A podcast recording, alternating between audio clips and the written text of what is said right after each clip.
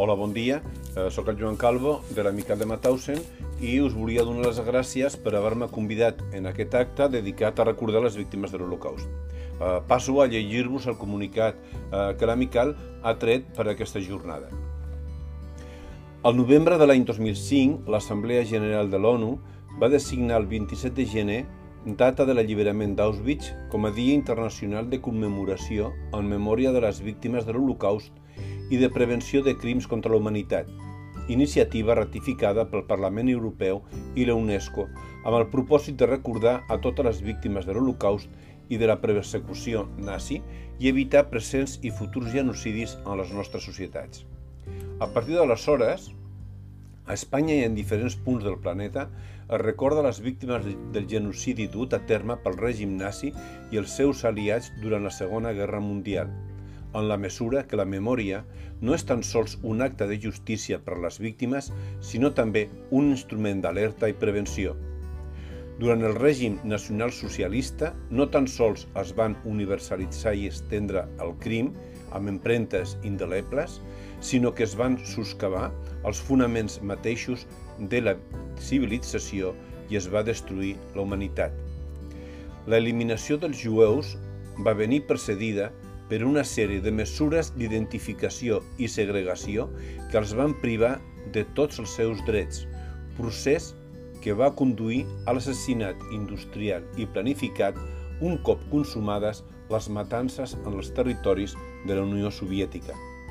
També totes les poblacions europees ocupades pels nazis van rebre els seus atacs criminals, dirigit no tan sols contra els jueus, sinó també contra tots aquells que suposaven els seus dictats i lluitaven per la seva llibertat.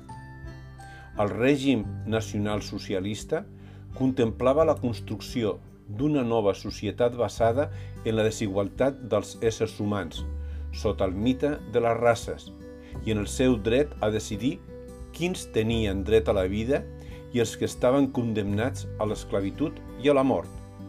L'imperi nazi es va erigir sobre milions de cadàvers i d'esclaus, opositors polítics discapacitats, maçons, gitanos, homosexuals, testimonis de Jehovà, entre ells el gairebé 10.000 dones i homes espanyols republicans deportats als camps del Reich per la seva condició d'enemics polítics de Franco i de Hitler i per la seva contribució a la lluita contra l'ocupant alemany a França.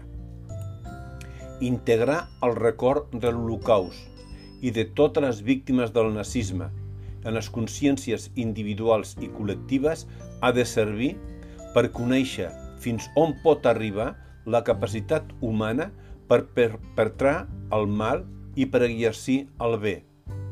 I ha de convertir-se en arma poderosa davant de missatges i insídies amenaçadores en èpoques de crisi i inseguretats.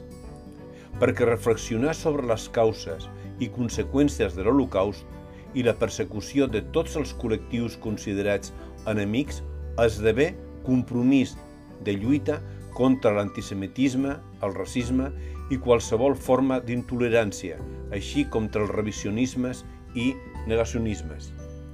Davant de tot això, compromís personal i compromís polític durant els 365 dies de l'any, encarnats simbòlicament en aquest 27 de gener i en el pròxim dia 5 de maig, instaurat com a dia d'homenatge a les víctimes espanyoles del nazisme.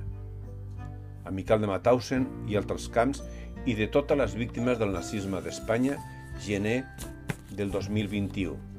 Moltes gràcies per la vostra atenció. Bon dia.